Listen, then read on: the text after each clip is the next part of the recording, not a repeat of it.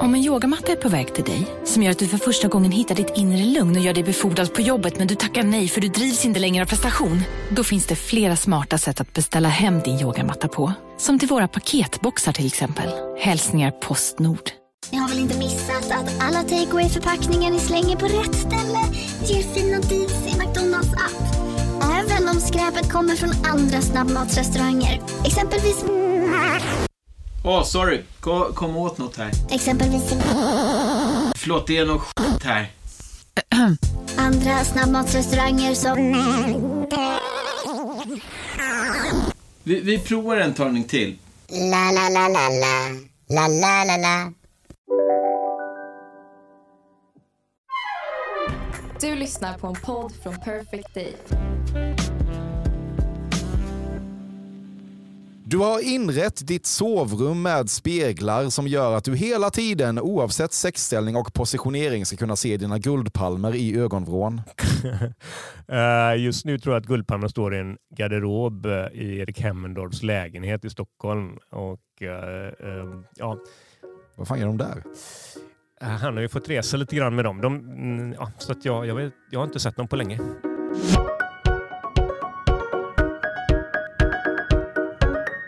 Du lyssnar på ett nytt avsnitt av Fördomspodden med mig Emil Persson. En podcast baserad på mina fördomar om olika folk.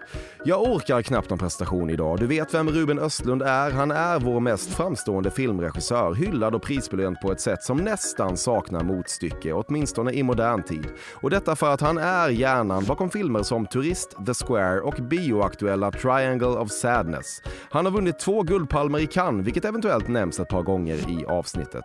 Ruben var tidigare gift med regissören Andrea Östlund som han har två typ 20-åriga tvillingdöttrar med. Numera är han gift med tyska modefotografen Sina som han ganska nyligen fått sonen Elias med. Jag kan väl också tillägga att det här avsnittet spelades in i Göteborg om du händelsevis undrar varför vi svamlar om spårvagnsresor och dylikt.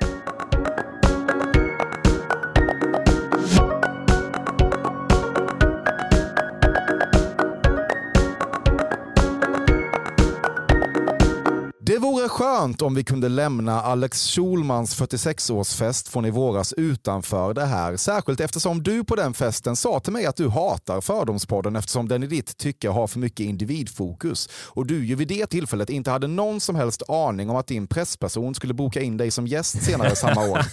Var du på den festen? Det kommer inte jag ihåg. Skojar du? nej, jag skojar bara. Fan, ja. uh, nej, men jag hatar inte Fördomspodden. Men, så men lät jag, det inte då?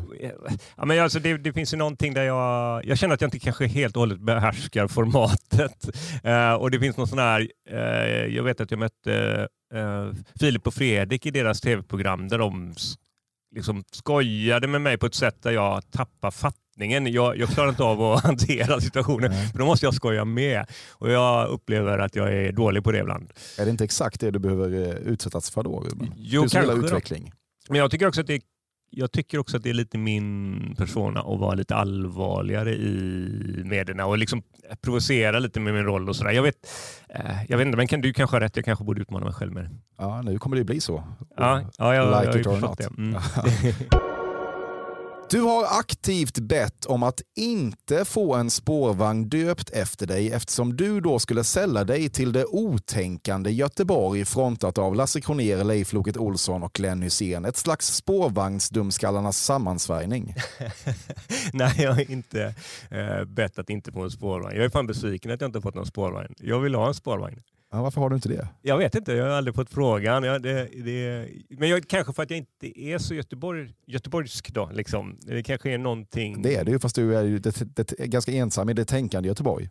Ja... Mm, jag skojar lite. Det, ja, jag, jag ja. det, uh, uh, nej, men, ja, jag vet faktiskt inte.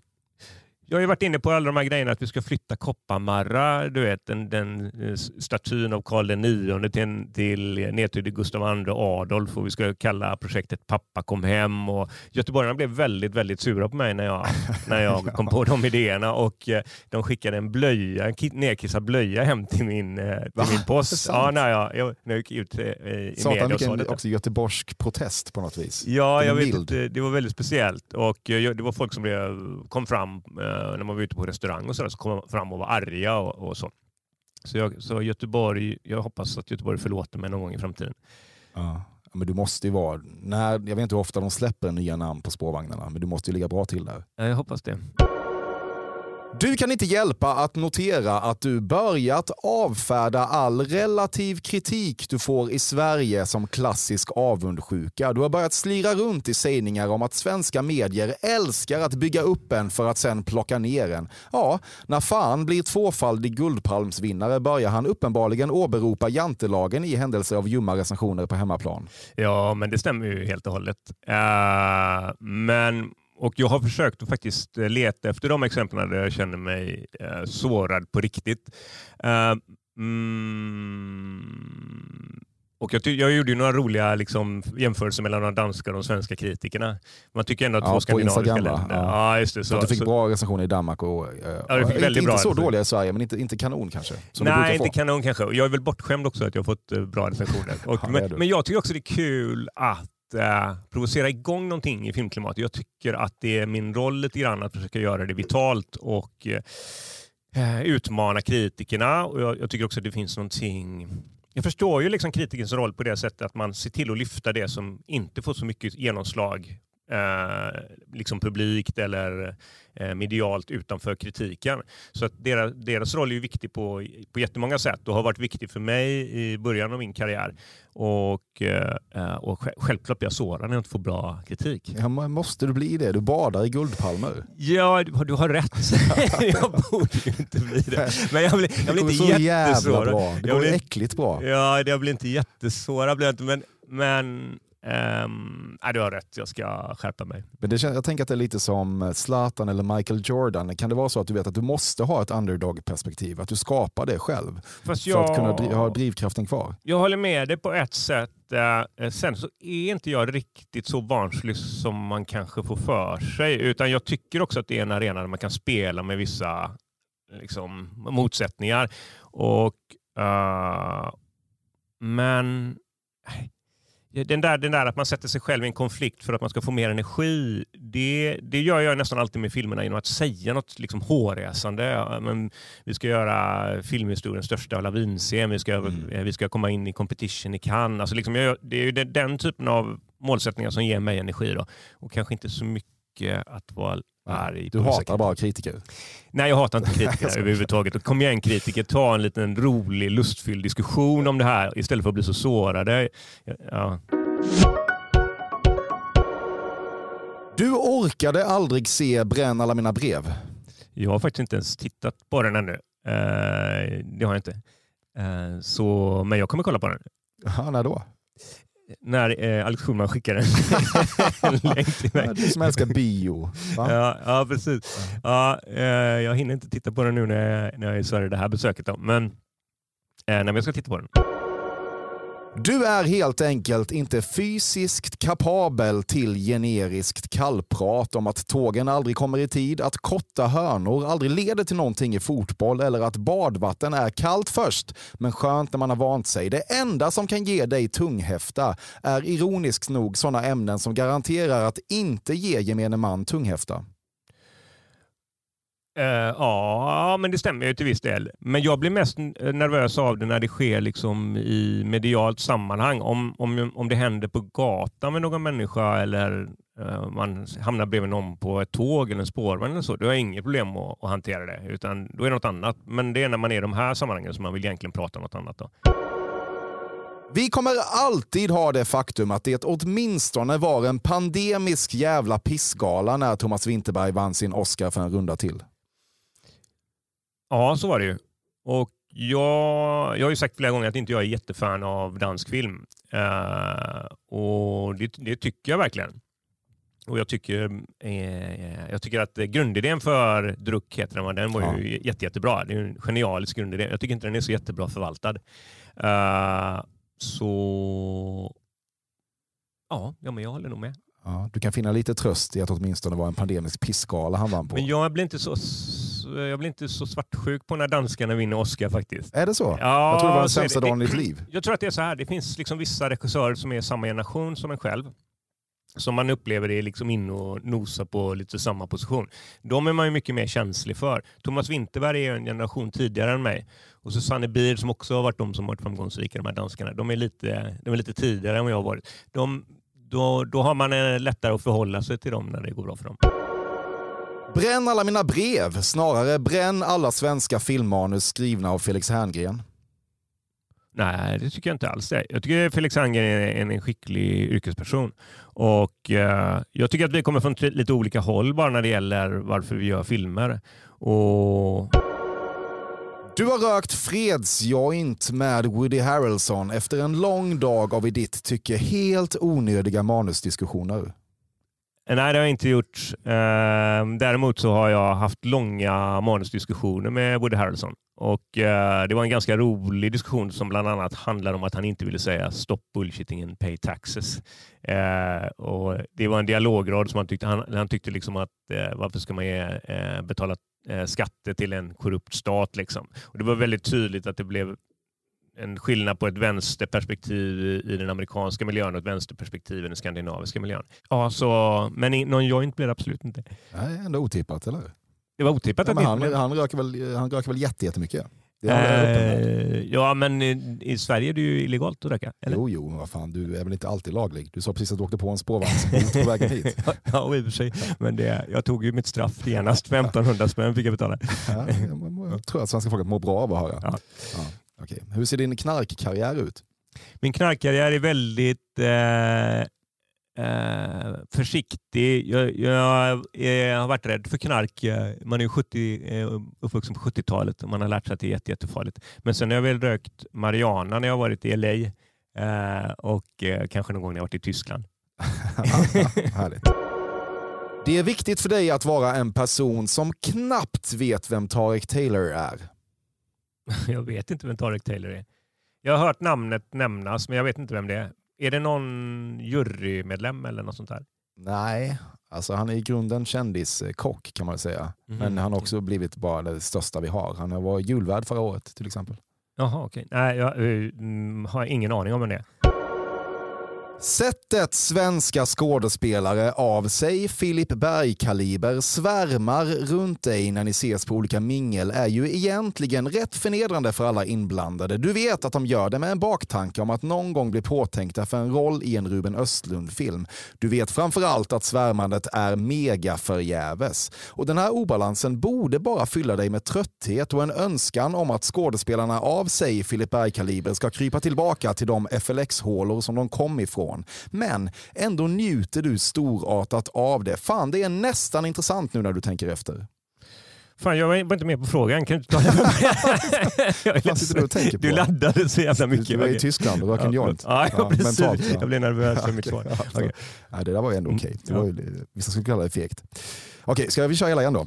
Sättet svenska skådespelare av sig Filip Berg-kaliber svärmar runt dig när ni ses på olika mingel är ju egentligen rätt förnedrande för alla inblandade. Du vet att de gör det med en baktanke om att någon gång bli påtänkta för en roll i en Ruben Östlund-film. Du vet framförallt att det där svärmandet är mega förgäves. Och den här obalansen borde bara fylla dig med trötthet och en önskan om att skådespelarna av sig Filip Berg-kaliber ska krypa tillbaka till de FLX-hålor som de kom ifrån. Men ändå njuter du storartat av det. Fan, det är nästan intressant nu när du tänker efter.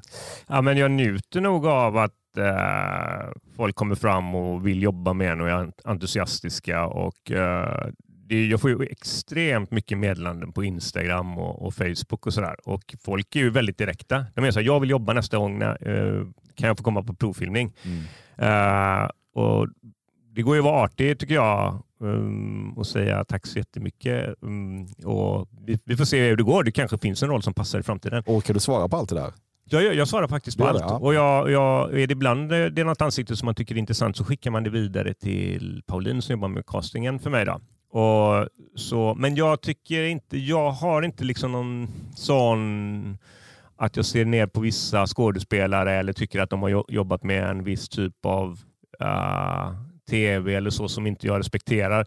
Däremot kan det ju vara så att Uh, är man med i mycket sådana saker så förändrar det ens uh, skådespelarteknik uh, och, och, då kan det vara svårare att jobba med en sån skådespelare av den anledningen.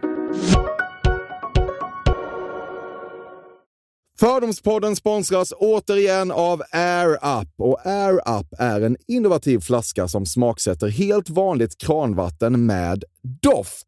Nyskapande som fan om man får säga det själv. Och AirUp har utvecklats för att man ska slippa välja mellan smak och hälsa. För med det här systemet så gör man sig själv en tjänst varje gång man vill dricka något gott. Och att smaksätta vatten med doft kan ju låta lite som, jag vet inte, magi. Svartkonst nästan. Men AirUps hemligheter är högst vetenskapliga för det kallas retronasal doft.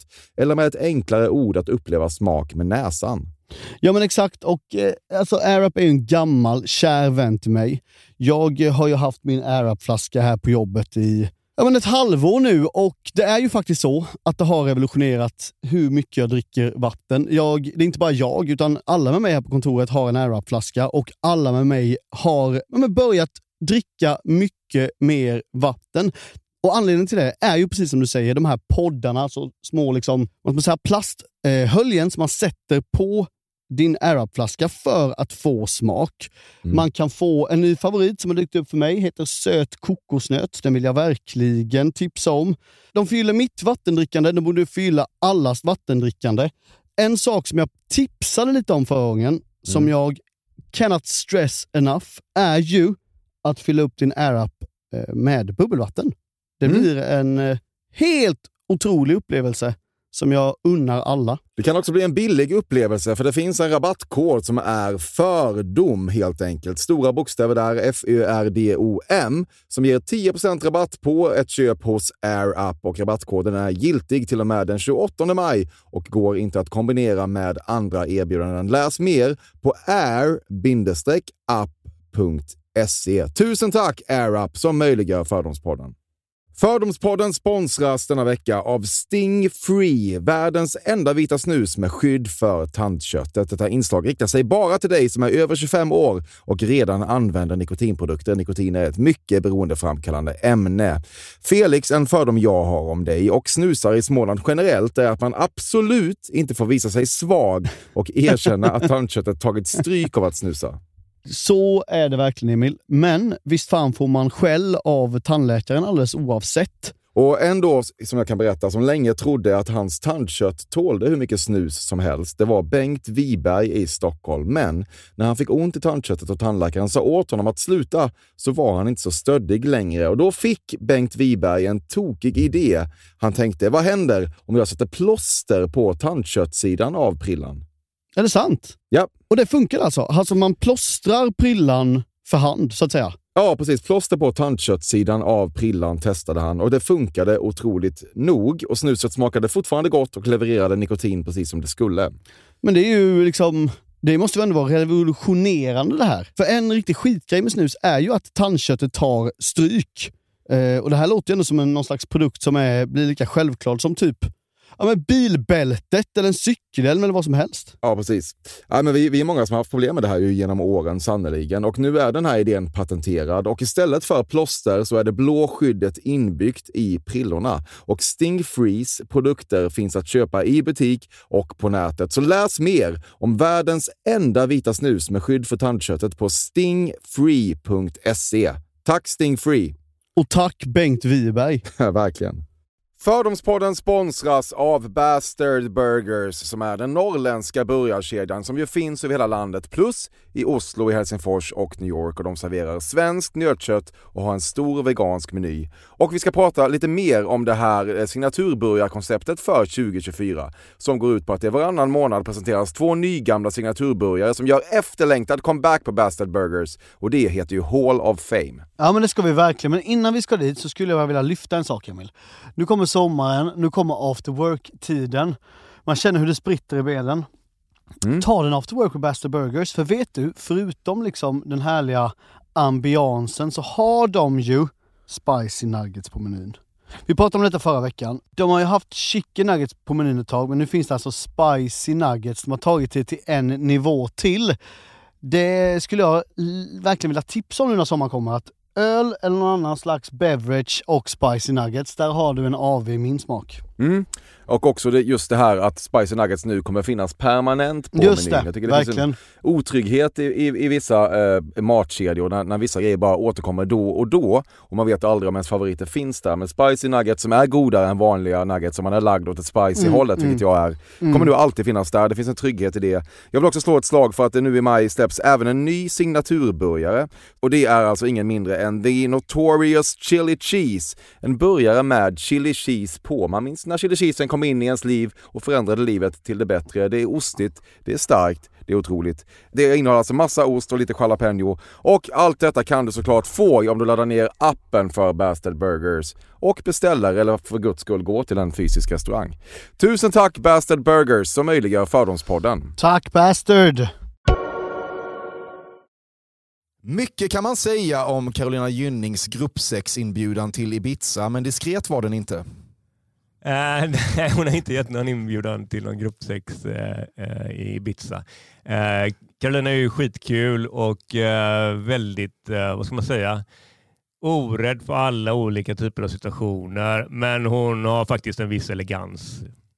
Ja, men det behöver inte vara oelegant med gruppsex. Eller, Nej, det kanske du har rätt i, men det är väl oelegant eh, om den sker eh, när hon har ett litet barn. Kanske jag har ett litet barn. ja, så kan det vara.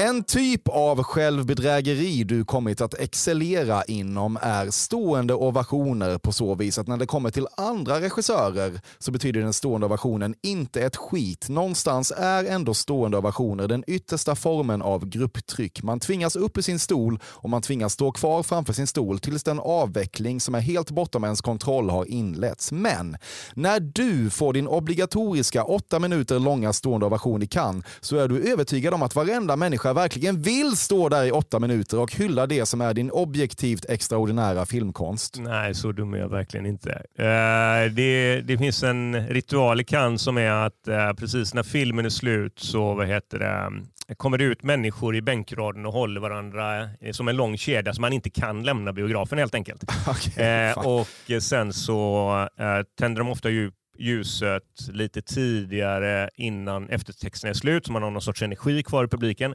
Och så börjar applåderna då. Och eh, Behövs åtta minuters stående ovation då? jag vill ha längre. Det var ju...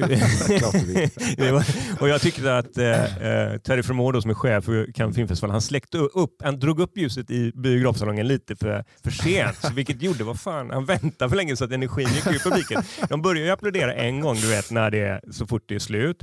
Och sen så om man väntar lite för länge, då, då får man inte till det där trycket igen. Så det, jag där, fattar. där, jag hade kunnat göra någon minut till där tror jag. Det får bli bättring till 2025. Absolut. Ja. Bränn möjligen alla mina brev, men bränn fan aldrig mitt äktenskapsförord. Jag har inget äktenskapsförord. Ja, det är så. Ja, det är så. Ja, Okej, ja, ja. ja.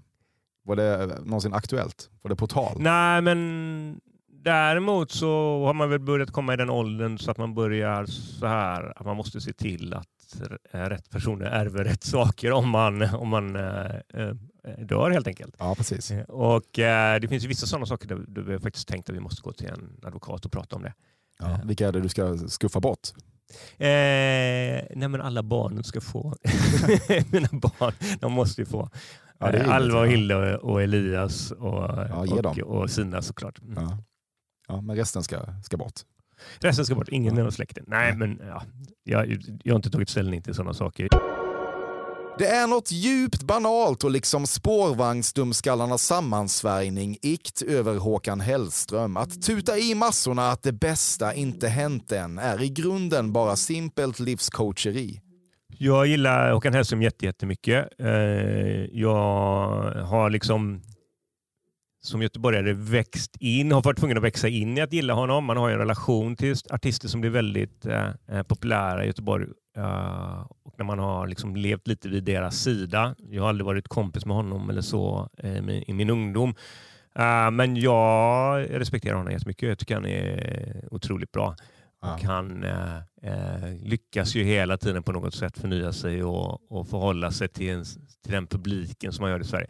Tänk att han har byggt upp den grejen med hela Ullevi och kan, kan sälja ut den på det sättet. Det är ju imponerande. Ja, du känner inte dig hotad av det alls?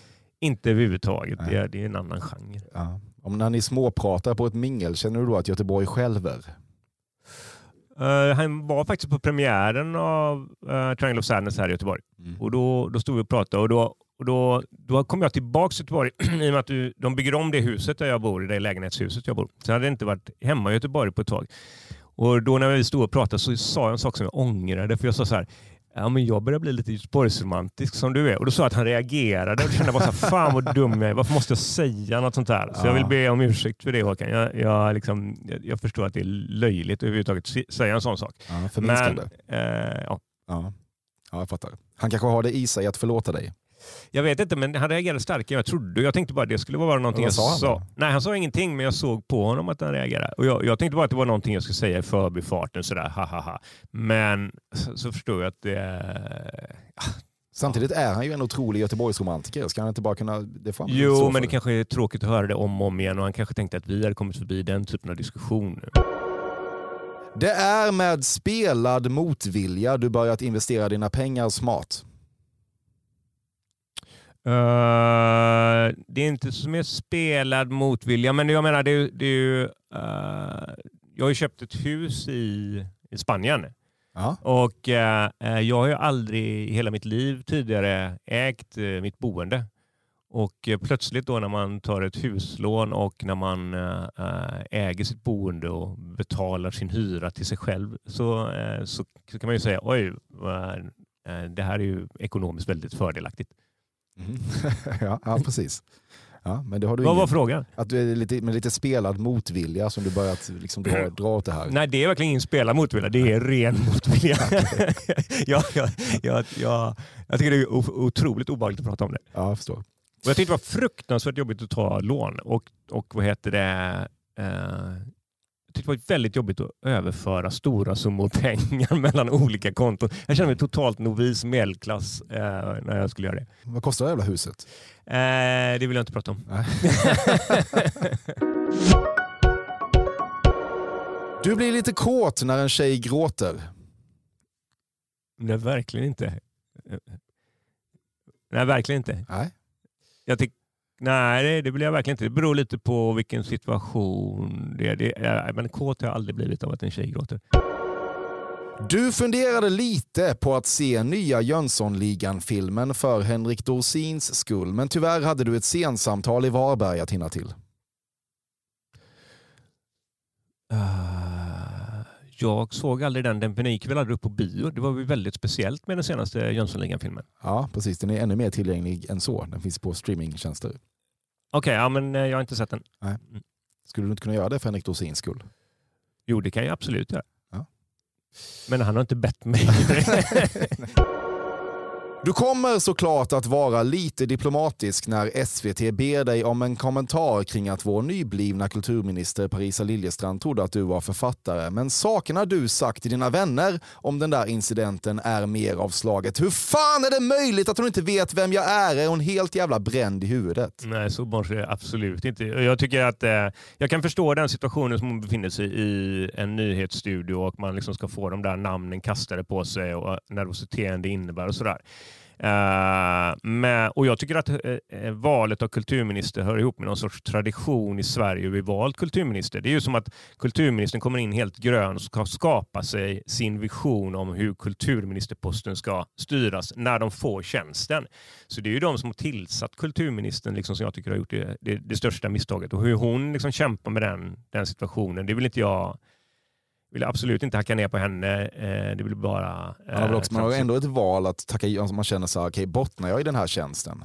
Ja, för, men det är ju inte riktigt så. De blir Nej, alltså, det, det är ingen, vill, det är ingen du- avancerad kunskap att veta att du inte är en författare heller.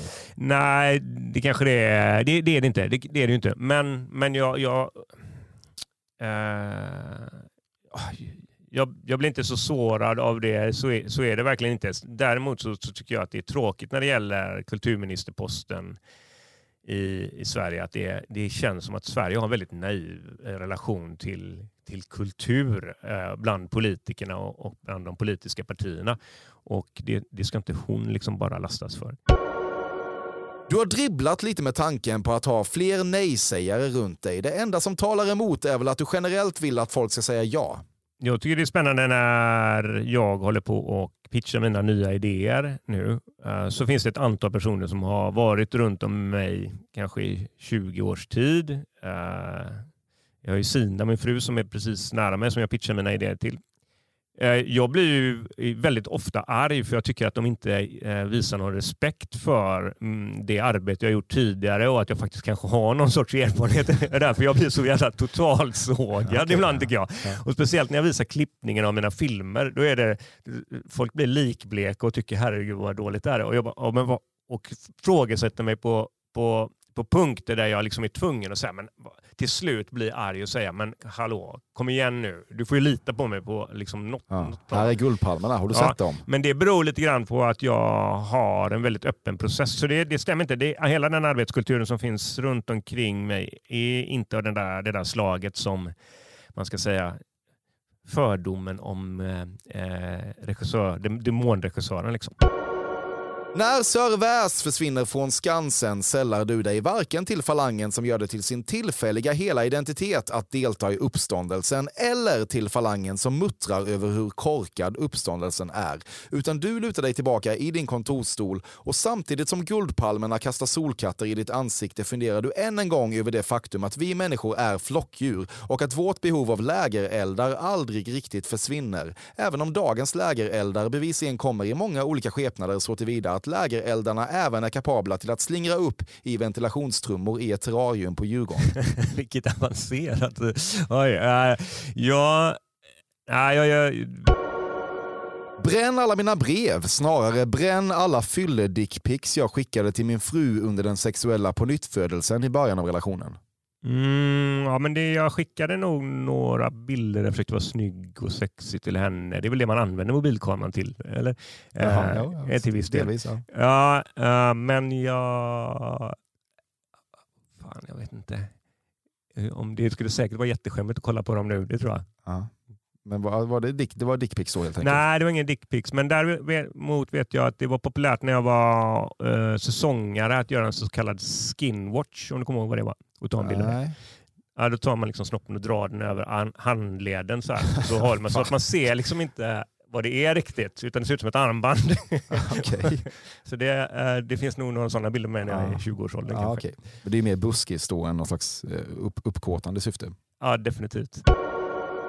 Det faktum att du kastar kändisar som Camilla Läckberg, Fredrik Wikingsson och paret Schulman i djupt obetydliga statistroller är ett slags gerillamarknadsföringsmetod eftersom uppspeltheten de känner bara av att få kliva in även i det djupt obetydliga statistskådespeleriet innebär att de kommer att prata om detta i sina så kallade kanaler och därmed bringa en massa uppmärksamhet till filmens existens. Och du kan ännu en gång småleende luta dig tillbaka och i realtid betrakta fiskelyckan som uppstår när det rycker i marionettrådarna som snurrats runt dina dubbelt guldpalmsvinnande fingertoppar. Men visst är det så. så är det ju. Uh, men det är ju också på det sättet att det är ett utbyte av innehåll på något sätt. Så de får komma och vara med på inspelningen och de kan eh, berätta om det i sina poddar. Så, så uh, det, är, det är en win-win situation. Och så, så det, det, det är de väldigt medvetna om också tror jag. Ja, verkligen. Men kan du ändå känna lite grann då att du är the, the puppet master? Du Nej, det här. känner jag inte. Du har varit helt medveten om att din mångårige producent Erik Hemmendorf vid två tillfällen mässat ordet tönt till DNs filmkritiker Jakob Lundström efter att han gett lite ljumma recensioner till The Square och Triangle of Sadness. I det avseendet har han varit lite av din pitbull och du tycker fortfarande att det var rimligt gjort även om det väl var lite olyckligt att filmkritiken i fråga valde att gå public med det. det där är en väldigt rolig händelse. Och eh, jag kan berätta första gången det hände eh, att Erik hade skickat tönt. Då, eh, eh, då, då ringer han upp mig och jag känner, jag känner på honom att han själv är lite eh, ska säga, ambivalent. Han har redan börjat ångra sig. ja, Och så-. Det var ju galet gjort. Och så säger han så här, vet du vad jag gjorde? och jag bara, nej vad, har- vad gör du? Du kan inte skicka den. Alltså, också, det, var så, det var så lustigt, för vi hade just vunnit Guldpalmen med The Square och, och liksom man tyckte så här, men du har ju den positionen att du behöver, överhuvudtaget inte, du behöver inte lägga dig i överhuvudtaget vad, eh, vad någon tycker. Däremot när det skedde andra gången, eh, Jakob, vad heter han i efternamn? Eh, Lundström. Lundström, eh, där var inte han riktigt ärlig med hur det gick till andra gången. För andra gången när Erik skickade eh, megatönt, hallå, kom igen, megatönt. Alltså, eh, förstår inte eh, vem som helst jargongen i detta. Så i den tråden som han Jakob får upp då, då är det så här, tönt först, sen fem år senare megatönt. Och han fattade bollen direkt. Han sa så här tillbaks. Eh, ja, det är ju kul att vi hörs var, var femte år i alla fall. Sen skickade Erik ett hjärta. Det var så jäkla tydligt att det var en jargong. Så han inte på att göra själv till ett offer efteråt. Det är ju mega supertöntigt. Okej. Så summa summarum så förblev han ändå en tönt på något sätt då. Jag är ledsen. Ja. Okej. Ibland kan du tänka på det arketypiskt oattraktiva utseende vi förknippar med filmregissörer som Tarantino, von Trier, Hitchcock, Woody Allen och förlåt dig Roy, Roy Andersson. Och då händer det att du springer fram till spegeln i hallen, småskrattar lite och tänker ja, jag fick fan det här också. Fan, vad, vad, ja, tack så mycket. Ja, ja, okej. Eh, Jag, jag tänker att du tänker så här Ruben. Är okej. inte jag. Du tycker inte det? Men, ja, men det är inte intressant med, med de där personerna. Är det inte därför liksom framgången liksom med de här konstnärliga yrkena är att man bryr sig inte om utseendet utan man tycker ju bara att de är de de är. Det är väl det som händer med kända personer i allmänhet. De, de slutar ju vara sitt utseende och börjar bli sin person. Liksom. Uh, men jag, det är jobbigt med utseende tycker jag. jag. Jag är inte säker att jag gillar mitt utseende hela tiden. Naturligtvis inte. Uh, ibland. Och jag hatar när det är en dålig bild på mig själv. Alltså det jag tycker det är störande om det är en sån här bild. Men herregud vad man ser tråkig ut där. Mm. Jag blir alltid arg på fotografer om inte... Vad fan, En tönt igen. kan du messa då. Nej, det kan Megatönt. Ja, ja, okej. Okej, men det känns ändå som att du är ganska nöjd med ditt utseende eller? Jag tycker inte det är så jobbigt att vara framför kameran. Jag tycker, eh, mm, jag tycker inte det är så jobbigt. Eh, jag har vant mig att vara det. eh, och eh, Ja, men det är väl svårt att inte... Men seriöst, är det någon som inte är fåfäng? Är det inte någon som inte liksom analyserar sitt utseende när man tittar på bild? Jag har aldrig träffat någon i hela mitt liv som inte analyserar sitt utseende när de ser det på bild. Det är jäkligt jobbigt att vara på bild hela tiden. Det är, och det är inte så jäkla roligt. nej, nej, Om du okej. tror det. Nej, nej, ja, absolut. Så du, du tänker aldrig, ja, jag fick fan det här också. När du Nej men ibland blir man skitnöjd. ibland tycker man den där bilden, var, den gillar jag. Du blir extra kåt när en norsk tjej gråter. Var kommer den här idén ifrån? Känsla bara. men, men, jag förstår. Men, men, jag, det, det, Jag jag, kan har aldrig hört att det, någon blir kåt när någon gråter. Nej, jag- nej. Eh, nej, det stämmer inte det Nej, heller. nej. Guldpalmprenumerationen i all ära, men ibland känner du att den riktiga vinsten i Cannes är att du har möjlighet att dag för dag följa och roas av den eskalerande spritmosigheten i Aftonbladet-recensenten Jan-Olof Anderssons ansikte. Uh, det har jag aldrig kommit på mig själv att jag njutit av just det. Du kan bli väldigt trött på situationer av slaget att när du är i stånd att hänga ut din dubbelt guldpalmsvinnande penis vid en pissoar så står det ofta något baktungt fyllo bredvid och säger oj oj oj nu blir det dålig stämning. Ja, men den kommentaren har jag fått höra ett antal gånger. Och, uh, ja, och, och folk vill gärna berätta om eh, situationer som de har varit med om som varit dåliga stämningar. Ja. Och det är väldigt ofta folk kommer och, och är väldigt så här, du måste höra på den här historien i mitt liv. Det skulle Ja. bli en fantastisk film. Och så är den aldrig mer än två plus. Nej, det, det, man känner ju, men om du tycker att den är så viktig, varför gör du inte den då? Men det är, många människor verkar bära på en historia som de hoppas att någon annan ska förverkliga. Ja. Vilken är den sämsta sån historia du hört? Minns du det? Nej, jag kommer inte ihåg riktigt vilken som är den sämsta. Ah, det var väl någon om... eh, eh, jo, men det är ju den här. Den var ju helt galen. Det var ett väldigt speciellt tillfälle för att jag var, jag var på middag. Eller vi hade bokat ett bord för jag trodde att jag skulle träffa Jared Leto. Ja. Eh, och Jared Leto och jag hade textat till För du varandra. ville eventuellt ha med honom i en film då eller? Nej, men vi, jag hade varit och jag castat honom och sen så efter det så var, var vi i kontakt lite grann. Och så hade jag blandat ihop hans nummer med en annan Jared. Och den här andra Jared var en person som jobbade som, eh, vad säger man, han jobbade som hisspojke på ett av hotellen i eh, LA. Och jag, Hellboy. Ja, precis. Och jag hade, tänkt, jag hade tanken på att jag kanske skulle prova att casta honom till en roll i Triangle of Sadness. Så plötsligt kommer Jared på Messenger istället på, på vad heter det, sms. Så jag skriver in den här personen som Jared Leto. Sen så när jag är nere i Cannes och vi håller på att finansiera Triangle of Sadness, då är det så här, hey man, I'm, I'm in Cannes, uh, you wanna me- meet up? Och jag bara absolut. Liksom.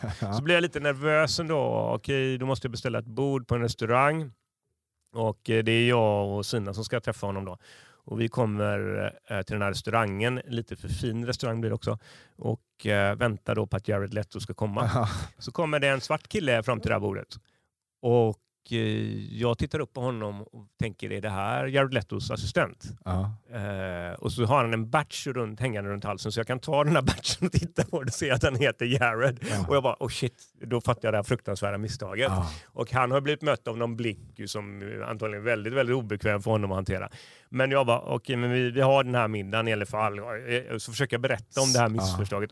Och killen är ganska ung så att det blir, det blir, han kan inte riktigt skratta åt det. Han är Nej. väl antagligen nervös innan det här mötet. Ja, men han känner ju också, ja Ruben vill inte ha mig här. Ja, men precis så var det lite grann. Men jag, jag hade hoppats att det kunde äh, lätta upp stämningen lite grann. Men när han Du började hade också slut, kunnat välja att bara köra ju, att inte säga något.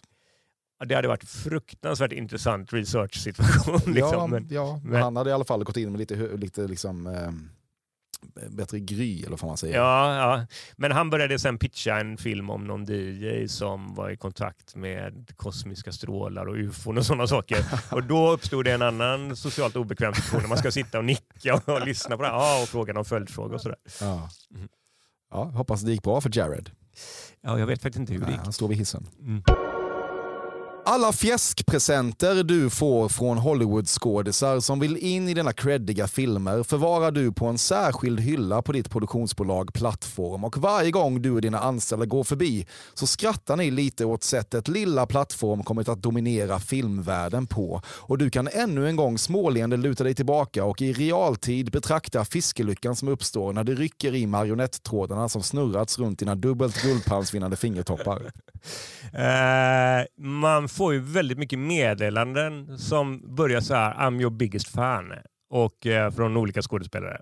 Och man förstår att det där är bara en fras. Det är liksom eh, eh, socialt så öppnar man en diskussion med en annan känd person så, i, i, i Hollywood. Ja, skriver du så också till Eh, Jared Leto? nej, det gör jag inte. Jag skriver inte så mycket meddelanden till, till kändisarna. Det Nej, finns de- några... De, du ringer till dem, de, ringer De dig. skådespelarna hör av sig till agenten. Agenten vidarebefordrar det till mig. Ja. Så eh, då kommer det ett, eh, ett mejl från agenten där står Hej, här är bla bla bla. He or she is your biggest fan.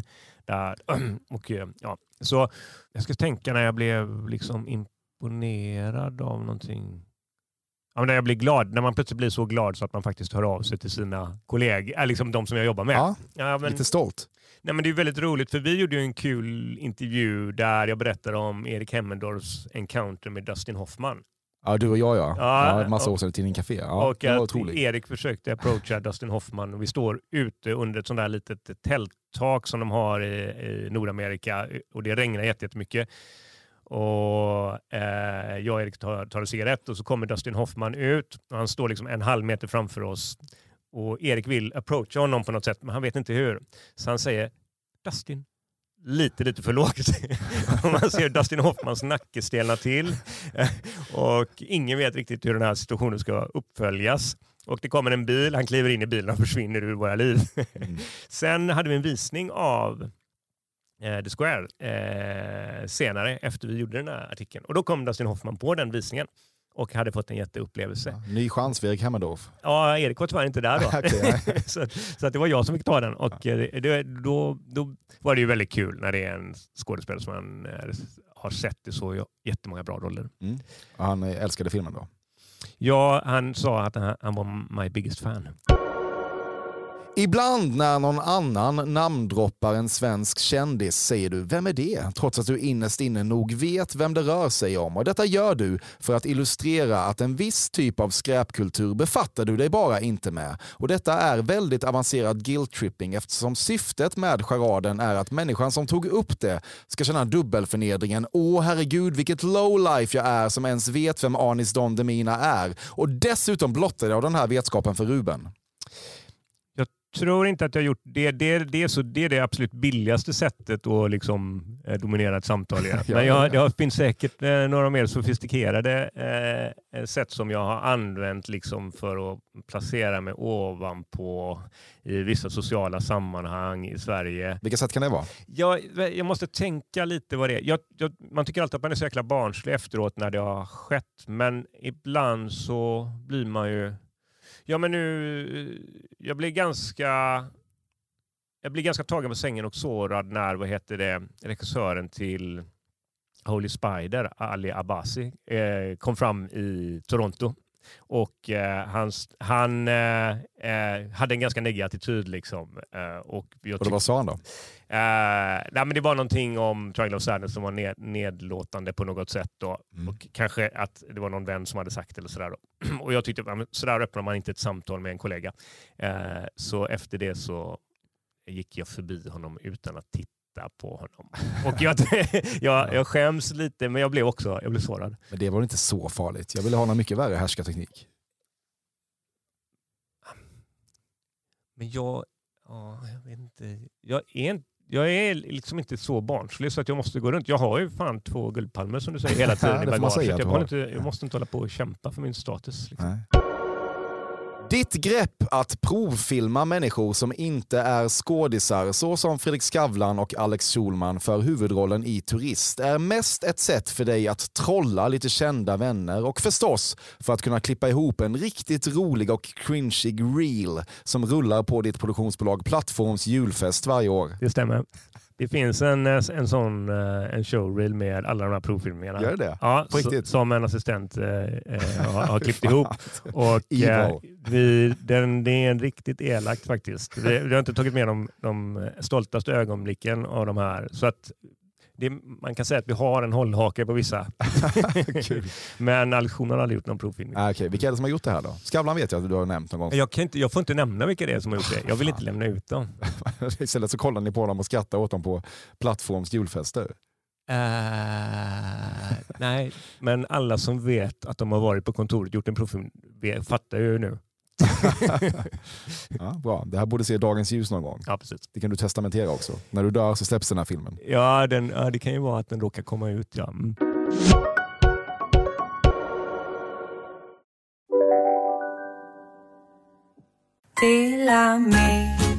Hej! Är du en av dem som tycker om att dela saker med andra? Då kommer dina öron att gilla det här. Hos Telenor kan man dela mobilabonnemang. Ju fler ni är, desto billigare blir det. Skaffa Telenor familj med upp till sju extra användare. Välkommen till någon av Telenors butiker eller telenor.se. Nej. Dåliga vibrationer är att gå utan byxor till jobbet. Ah. Bra vibrationer är när du inser att mobilen är i bröstfickan. Få bra vibrationer med Vimla. Mobiloperatören med Sveriges nöjdaste kunder enligt SKI. Just nu till alla hemmafixare som gillar Julas låga priser. En 90 liters skottkärra i galvaniserad plåt för glänsande Jula klubbpriset 399 kronor. Inget kan stoppa dig nu. När du fick medalj av kungen var det uppenbart att han inte hade sett en bildruta av någon av dina filmer. Men han försökte ändå säga något om snöröjning och du tyckte det var tappert kämpat. Det är ju inte som att han är kulturminister eller något. Han sa att han tyckte väldigt mycket om Steven Seagal. Eh, det var liksom det första han sa. Så att han gjorde någon liten raljant grej om, vad ska man säga, um, men den typen av filmer jag gör eller så. Han, ja, Så jag tänkte, han sa att han inte hade sett den, han gillar Steven Seagal, kommer jag ihåg. Ibland när du porrsurfar blir du så fascinerad av beslutsfattandet och händelsekedjan som tar dig från en typ av klipp till en annan typ av klipp. Och plötsligt är du så uppe i din analys av dina egna böjelser att ståndet fullständigt mojnar och du sätter dig och börjar skriva sociologiska reflektioner av människans sexualitet istället. Nej, överhuvudtaget inte. jag är väldigt ointresserad av porr. Även om äh, man, jag kan använda det ibland, men jag är helt ointresserad av Du det. använder det? Ja, men alltså, det tar ju 30 sekunder, sen är det klart. Jaha, du är en eh, snabbrunkare? Ja, men har, inte, har inte hört undersökningar om hur länge någon sån här kabelkanaler man kan köpa någonting på ett hotellrum? Nu går jag in i en sociologisk Ja, jag undersökning. då. att jag har inte hört talas om de här undersökningarna. Nej, men då har man väl eh, i genomsnitt tittat på hur länge de personerna har köpt den tjänsten, hur länge de tittar. Och det är väl, okej, det är längre än 30 sekunder, det är väl tre minuter eller något sånt där. Ah, Okej. Och du sällar dig till den rörelsen? Ja, det gör jag, inte, jag har inte något djupare intresse i att Du använda fastnar någonting. inte i, i liksom Nej, klipphelvetets det är bara mitt behov och sen så vidare. Ibland när du håller en lång utläggning och en tjej sitter mitt emot och tindrar mot dig så händer det mer ofta än inte att hon flikar in “Alltså, din hjärna” och då känner du “Ja jävlar, min hjärna alltså”. Eh, det är faktiskt sant att folk har sagt åh din hjärna. Ja, det vet jag väl. Då blir man ju jättesmickrad. Eh, Så tänker du “Ja jävlar, vilken hjärna jag har”. Eh, nej, det tänker jag inte. Men jag, jag, ehm, men jag känner också att jag har tappat lite min förmåga att liksom bara mala på i olika tankegångar och resonemang och sådär. Att jag, Har jag, du verkligen det? jag- Att jag blir lite mer självkritisk och kanske lite mer ah, trött på mig själv ibland. Då. Så att det, det, det, det är underbart när man kommer in i det läget att man börjar liksom mata på. Har du, har du någonsin träffat en människa som du känt är smartare än vad du själv är? Fan. ja, men Kalle Boman tycker jag är, är en av de smartaste Ständigt den Kalle Boman, din någon slags mentor då. Jobbade Min mycket med Roy. Andersson. Ja. Och, eh, Så det är bara han då? Ja, men jag, tycker, jag tycker att jag har någon sån intuitiv smartness. Jag får en idé som jag bara litar på stenhårt och så släpper jag inte den. Och Det tycker jag liksom är mm, kvaliteten i mitt sätt att tänka lite grann. Och sen så tycker jag inte att jag är så, är är absolut inte liksom universitetsbildat smart. Liksom. Du orkar egentligen inte på riktigt ge dig in i SD-debatten, men om du hade orkat så hade du kunnat förklara för alla att SD-debatten drivs på helt fel sätt i det här landet och du sitter på lösningen kring hur den ska drivas, men tyvärr har du ett sensamtal i Varberg att hinna till. Eh, det spännande. Eh, jag fick jättemycket frågor i, när jag var i Frankrike. Vi lanserade filmen i Frankrike precis efter valet här och då var det mycket frågor om SD. Eh, och det är ju jättesvårt att liksom komma med något intressant svar på det tycker jag. Vad anledningen är sådär. Men jag har ju pratat, jag har tyckt det var kul att prata väldigt mycket om en aspekt av detta och det är ju eh, som jag tror på väldigt mycket. Då, det är ju att när vi har ett medieklimat där eh, konflikt hela tiden ger så mycket utrymme och sensationella uttalanden, då blir det ju de politikerna som har den extremaste retoriken som kommer dominera medieutrymmet. Det, det är säkert andra som har pratat om detta också. Eh, men då måste man ju som till exempel en journalist då, eh, börja välja, ska man ge syre åt liksom, dumma uttalanden eller ska man liksom bara låta dem flyga i vaxen? Eh, och att vi har någon sorts rationell tro på att vi kan rap- rapportera bort liksom, dåliga saker, men istället är det så att vi bevarar dåliga saker genom att ständigt ge dem utrymme. Då. Och det, det tycker jag är ett stort problem. Sen finns det massa andra saker också. Röstade du på Vänsterpartiet? Eh, ja. Nu när du träffade en ny tjej och vackert fick löda ihop sädesledaren igen kan du helt enkelt stå för att du helhjärtat hoppades på en son. Du har ju redan två tvillingdöttrar. Klart vill uppleva något annat och eventuellt kunna hämta konstnärlig inspiration ur det. Inget jävla, det spelar ingen roll vilket kön det blir så länge barnet är friskt bullshit. Det stämmer. Det var helt otroligt att få en sån. Eh, jag tyckte det var fantastiskt och jag blev förvånad själv att det påver- påverkade mig på det sättet. Och Det var så underbart att känna en relation som mamman stod lite utanför. Eh, bara, Nej, men jag har ju bara varit med om det motsatta. Att jag har två döttrar eh, och, och, jag, och jag är lite avundsjuk blickat liksom på mamman och deras relation på vissa, vissa sätt. Då. Eh, jag, jag, jag har ganska fin relation med dem, tycker jag själv i alla fall. Jag hoppas att de tycker det också. Men med eh, Elias nu som är 14 månader, det är, det är något speciellt. Jag, eh, jag känner att det är en del av min kropp. Liksom. Och, och det har jag bara hört kvinnor säga innan om sina barn. Och, men det kanske också handlar om ålder, tänker jag. Att jag var ju ganska ung när jag fick Alva och Hilda.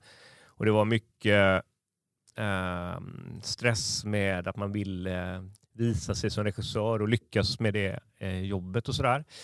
Och nu har jag någon, man blir väldigt trygg som pappa när man har två guldpalmer. Kan jag, ja, jag kan det kan jag rekommendera. Ja, bra. Fick du löda ihop sädesledaren igen? Nej, men däremot har jag hört en, en historia eh, om en avlägsen eh, person som eh, hade Eh, vad, vad, säger man, kallar man det? Klippa av sädesledaren? Ja, precis. Knipsat den på något vis. Ja, Vasektomi, steriliserad. Ganska, ganska snabbt därefter tog det slut mellan den partnern. Då. Det, det låter riskabelt att göra det på något sätt. Ja. Men är man, man blir lite orolig att det ska påverka en pers, ens persona. Vadå, att ens manlighet blir tilltufsad eller vad menar du? Att man blir lite så som man är, man kan se på vissa män att när sexualdriften går ur så är det någon gnista liksom där som saknas. Ja, men sexualdriften går väl inte ur? Det är bara fertiliteten som tillfälligt ja, avbryts. Ja, men det, det, här vet jag för lite om för att uttala mig om. ja. Du har svårt att ta Johan Renck på allvar? Uh, nej, det har jag inte. Du har experimenterat med subdominans i sängen bara för att se vad som händer om man strippar en man på sitt nedärvda överläge och det visade sig mycket riktigt att du nådde klimax på nolltid. Det har jag aldrig gjort. Uh, jag tyckte det var spännande. För jag vill berätta en intressant upplevelse jag fick när mina föräldrar såg en sexscen i The Square mellan Elisabeth Moss och Claes Bang. Och uh, de, de har ju någon sorts, liksom, de bara gnider sig mot varandra, sexakt, där det är eh, mekaniska rörelser. Och jag tyckte det var liksom, eh, kul. Och båda mina föräldrar blev väldigt upprörda över att det inte fanns någon ömhet i vad heter, den här sexakten. Och jag försökte prata med dem och säga, nej men hallå det är så det ser ut när människor har sex. Nej men de, de höll inte med ja. överhuvudtaget. De vill att man ska älska. De, de vill att det ska finnas en närhet och ömhet och jag, och jag kan tänka att det ska man nog vara medveten om när man älskar. Alltså, eh, eh, ja. Vad menar du? Jo, men jag menar, det finns väl klart att det finns något i rollspelet att vara dominant eller inte vara dominant och att det kan vara eh, triggande och äggande och sådär. Så du är den dominanta i sängen helt enkelt? Uh, nej, jag vet inte. Jag har väl varit inte. det någon gång. Okej. Ja, Ruben Östlund. Eh, det var allt. Var det för mycket individfokus? Nej, men nej det tycker jag inte. Jag tyckte det var kul. Jag, jag tyckte det var roligt att... Eh, eh det, det blev roliga ingångar, liksom, tycker jag. Det var jättekul. Och ja. Det var ett genialt eh, eh, koncept och, och, inte alls att det blev skoj bara, utan man kan gå in i allvar också. Ja, Bra. Så du hatar inte Fördomspodden längre? Absolut inte. Vad skönt. Det, det tycker jag jättemycket om. ja, vad vad skulle du säga att folk har för förutfattade meningar om dig generellt? Om man bortser från det här. Ja, men jag tror att folk tror att jag är en, en obehaglig, att jag liksom kan vara en... en liksom, man, man, man projicerar den här gamla myten om en, en demonregissör då. Eh, och den mediala bilden som finns kring människor som uh, är, framgångsrika på något sätt så är det nästan alltid att folk kan bli lite nervösa och tro att man ska vara, uh, ja, men vara eh, arg och eh, vad heter det, blir stressad lätt och eh, vara rädd för att underprestera. Att jag är rädd för att inte jag ska kunna prestera och sådär. Och det, och det ska att du betraktar folk kan jag tänka mig att folk tänker. Ja, just det. Ja, det, det stämmer kanske. Ja. Just det. Och eh, jag har faktiskt blivit bättre på att vara närvarande när jag möter människor och betraktar mindre. Mm. Hur bra var jag här i mitt försök att läsa dig tycker du?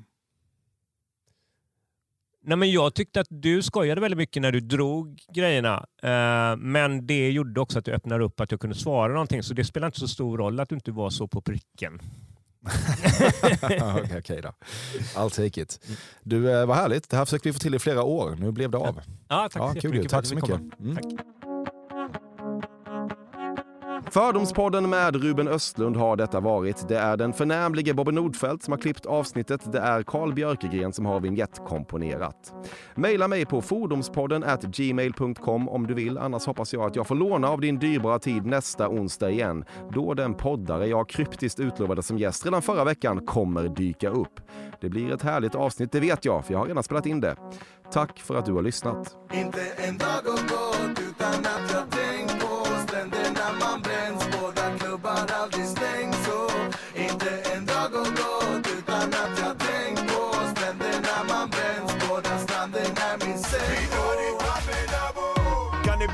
Eller tro? Jag frågar mig själv varför stanna i nord? Men jag vet att det handlar om flod. Vill bara ha min förbannade sol Vi ser och vi drömmer detsamma min bror. Så vi jobbar och samlar och taggar så fort vi kan. Langa min Canada Goose För idag ska vi landa där palmerna bor. Kliver av planet och den där hettan som träffar min kropp gör mig galen. Kastar min väska på rummet sekunden efter är vi ute och spanar på damer. Det här är vad vi kallar för haje Tofflorna på nu för sanden är het. Vi stannar där sent och vi känner för det. Vad som händer efter det bara palmerna vet inte en dag har gått utan att jag tänkt på stränderna man bränns. Båda klubbar aldrig stängs. Så Inte en dag har gått utan att jag tänkt på stränderna man bränns. Båda stranden är min säng.